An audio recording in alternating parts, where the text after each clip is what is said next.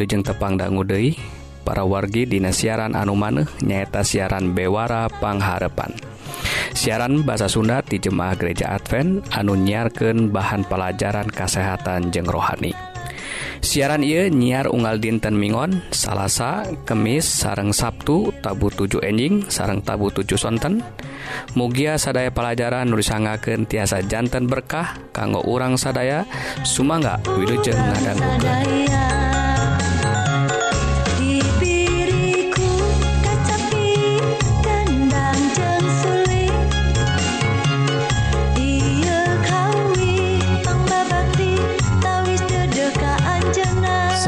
Sun parawargi kaum dangu dimana wae ayana. Dina banget ieu rohang rohani bade nyandak judul pangcegahan virus corona. Perwargi Kiwari orang ngadanggu aya wabah anupang ngahariwangkeun ke urang Korea boh orang anu ayah di Indonesia gitu oge orang-orang batur-batur orang nu aya disa kuliah dunya. Kulantaran ayana hiji wabah anu disebat wabah virus corona.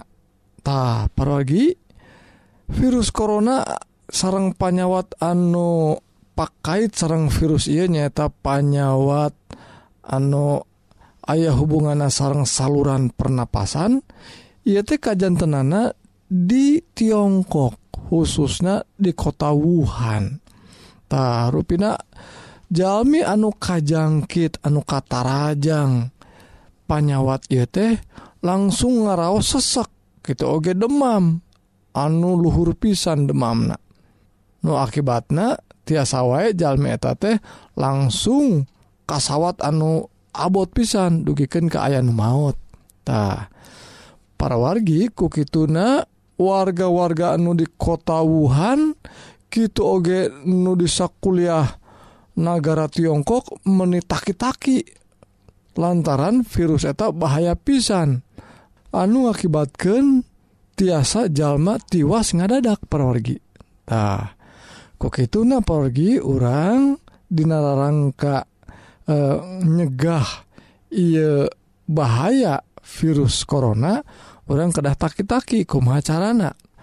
Masing ia virus corona atau kajangkitna kata rajangna jalma khususnya di Indonesia can aya anu e, kasebat ka kata rajang ku panyawat iya nanging orang kedah taki-taki kedah waspada tah naon wae anu ku urang kedah dipilampah supados orang henteu kata rajang panyawat anu disababkan ku virus corona iya Tah ia sabaraha pola hirup anu sehat sarang bersih nu kedah diterapkan ke orang supados orang tiasa nyegah.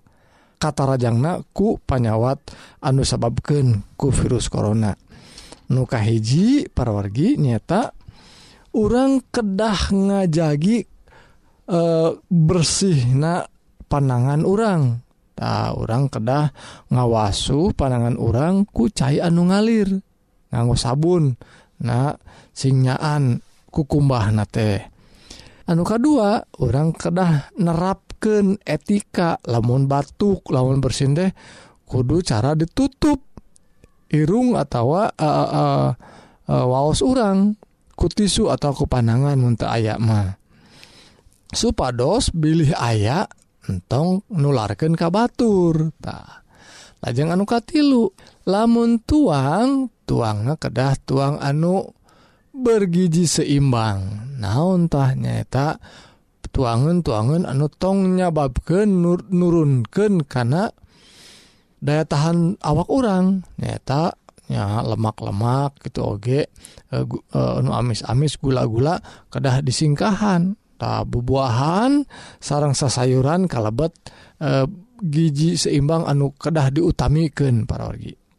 tak lajeng anuka anu kaopat paragi orang kedah milampah olahraga minimal setengah jam dinasa dintena lajeng anu kalima orang kedah cekap istirahat. Tak kedah cekap kulem kulem wengi. Entong kulemna dugikan ka eh, uh, puting teing gitunya supados orang tiasa kulem anu anu leres-leres kulem.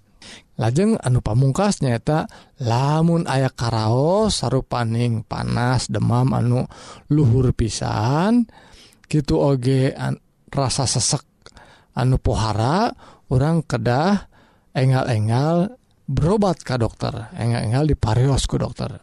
Tah sakit parogi lalampah orang kanggo nyegah katarajanga ku penyawat anu disababkan ku virus corona. Mugi-mugi dia jantung berkah kanggo kesehatan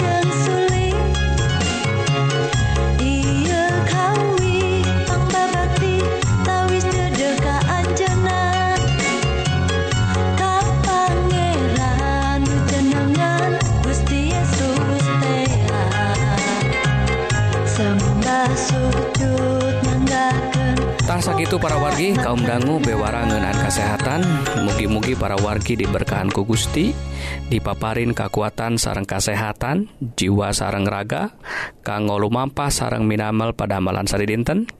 Sakali Dei upami para wargi ngaraos diberkahan Atanapi ayah patarosan tiasa ngontak Kasim Abdi Dina serat email nyeta Bewara Pengharapan at gmail.com atawa ngontak karena nomor HP atau SMS di nomor 08 hiji salapan hiji salapan 2275 hiji dalapan. Mugia urang tiasa saling nguatkan di nanandangan hirup anu campuh ku hal-hal duniawi. Mugia urang tiasa ngengingken hirup anu pinuh ku katentreman di lebet Isa Almasih nukawasa di dunia jeng akhirat. salahjengna Hayu atuh kaum dangu urang terasken karena rohang rohani anu bade ngaguar pengajaran kanggo bawaun kahirup akhirat nu unggelnatina kitab suci Sumanga wilujeng ngadangguken.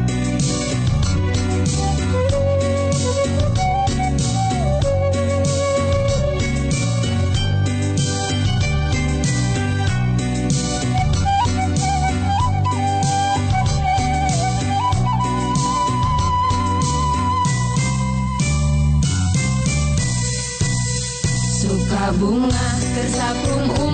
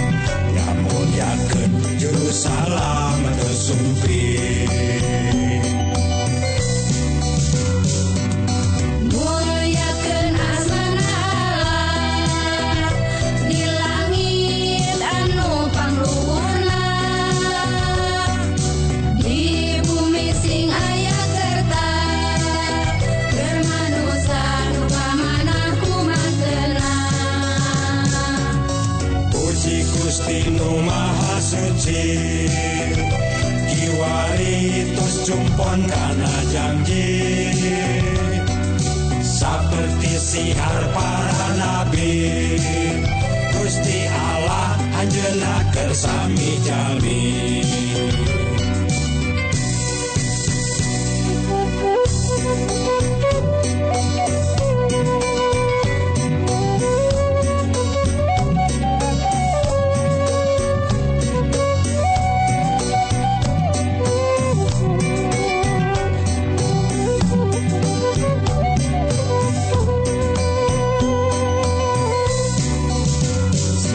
bunga tersapu.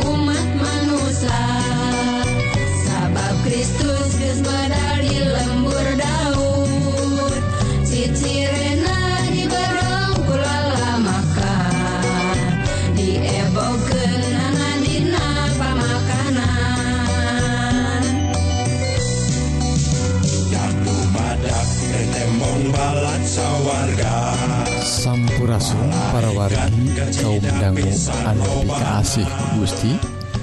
Rohang rohani dinten I judulna tanda akhir zaman. Anu dicutatina Injil Matius pasal 24 perorgi kaum dangu anu asih ku Gusti lamun Dina dinten-dinten e, kapengker urang ngadanggu seueur hal-hal anu mangherankeun menghebohkan gitu oge dugiken Ka nyeret karena hal anu pikasiunan kulantaran hal-hal anu kejadian di dunia ieu teh. Meni ngahawatosken pisan parwargi. Boh ayana pembunuhan Jinah gitu oge peperangan segala rupi anu kejadian anu can pernah kejadian Ayeuna Mineng kejadiantah parwargi hal-hal sarupi gitu teh ruina jantan tanda. Tanda-tanda anu ruina tos diwahyukan atau diramalkan ku jenengan Isa Almasih. Waktu Anjena ditaros ku para muridna. murid-muridnya waktu ngempel seorang Isa Almasih Kia dicutat Dina Matius pasal 24 Yesus ngarere di Gunung Jetun murid-murid nyalamperken tejeng sasahai maranehna wungkul. Tulu miunjuk mugi diwartosken anu jadi disaurken teh Iha pijadian anak maksada akhir zaman gitunya gitu Dei perkawis pisumpingan Bapak teh. Engkek sarang akhir zaman kumaha galagatna. Gitu murid-murid narosken miunjuk ka Isa Almasih. Lajeng waler Yesus marane sing iatna ulah benang kaperdaya. Sabab engke bakal loba anu ngaku ngaku kami Kristus kami teh juru salamet. loba anu bakal katipu. Maranehna bakal ngadenge durderna perang dinu deket ngadenge beja-beja perang dinu jarauh. Tapi ulah sarien pasti eta teh baris kejadian tapi lain hartina ges kiamat. Bangsa-bangsa silih perangan negara-negara silih Tarajang bala kalaparan jeng lini oge di mana-mana. lajeng eta kabeh kejadian kakarek ngamimitian nana ibarat mimiti nyalingit na kanyeri anurek ngajurutah parwargi ruina anu disaurken Dina ayat tadi teh nuku Abdi ditos diausken ruina eta kejadian-kajadian teh nembek mimitiantah lamun orang ningal ayeuna atau nuka pengker kejadian sapertos peperangan. Sapertos aya beja-beja peperangan atau oge nu ngaku-ngaku dina agama teh Abdi utusan ti Allah teh. Ruina parwargi hal sarupa kita terus aya wae terus dina zaman anu ku urang nuju dilakonan teh seueur kajantenan sapertos gitu dugi ka aya lini gempa bumi teh kalaparan gening. Tos aya di mana-mana kajjantenan boh dinuk Dinu negara anu miskin gitu oke di negara anu ngeluyah kudaharan aya wae tempat-tempat anu dugiken ke kalaparan parwargitah kejadian-kejadian Iten ruina nembe ngamimitian. Nah ngamimitian anu disebat akhir zaman tea. Lajeng parorgi kedah kumaha? Tadi disaurkan ulah siun lajeng disebatkan deh guys gitu mareh bakal ditangkaptah kunaon ditangkap ya kita oge diserenkan sangkan disiksa dipaehan. Bakal dipika geleh ku unggal jelema dumeh anut ka kami. Saeta alasana. Dumeh urang jalma-jalma anu percanten kaisal masih anu isal masih nunyaan sanes nu palsunya parwargi. aranjena bakal dipika gele bakal ditangkap disiksa supados orang hente percanten Dei Kaisa Almasih. Tuh gitu tekenan anak kita oge dina ayat anu salahjengna zaman eta disebabkan bakal loba anu murtad silih hianat silih pika gele kunaon jantan murtad perorgi. Ku kitu teh tadi kulantaran diteken disiksa. aya anu Satya dugi ka Satya pisan. Mangking Satya tapi ayah oge jalma anu undur jantan murtad. Gitu oge jalmi-jalmi saderekna atau babaturan anak malih jantan hianat. Jantan mika gele ka urang. Tah paror kita dina ayat 11 nabi-nabi palsu barijil jadi loba anu bakal kasasarkeun. kuna rekab na rekab na kajahatan jelma-jelma teh nepi ka legit kanyaahna. Gitu keayaan harita parogi. Gitu keayaan anu disebabkan engke dina hirup anu panungtung dina akhir zaman. Nah orang tos nepi di akhir zaman teh. Iya di ujung na akhir zaman parogi. Tapi sing saha anu tabah anu kuat pergi nepi ka panungtungan bakal dirahayuken ku Gusti. Lajeng ia tanda anu akhir pergi dina ayat 14 Ayu orang e, regepken pergi naon e, e, tanda akhir zaman anu panungtungan naon? disebatkan ayat 14 geskitu ia Injil Kasalamatan anu mertelaken hal kerajaan sawwarga bakal diuarkan kasa kuliah dunya. Kadenge ka unggal jelema geskitu kakara datang poe kiamat. Tah paragi gitu disebatkan dina hal e, tanda-tanda akhir zaman tanda-tanda sumpingna Yesus tanda-tanda anu yang netelaken yen tos caket sumpingnya Yesus. Tos caket akhir dunia ieu teh. Tapi anu paling penting Dina ngawujudkan di akhir nah akhir zaman ieu teh orang kedah netelaken jalan keselamatan nyata Injil antos diuarkan ku Yesus nutos didugikan ke orang Aina orang gaduh tanggal waler kanggo ngauarkan Injil kerajaan sawarga. gitu pergi cariyosan rohang Dina rohang rohani dinten I mugi jantan berkah kanggo tumbuh naka iman urang Amin. Kamu yakin juru salamet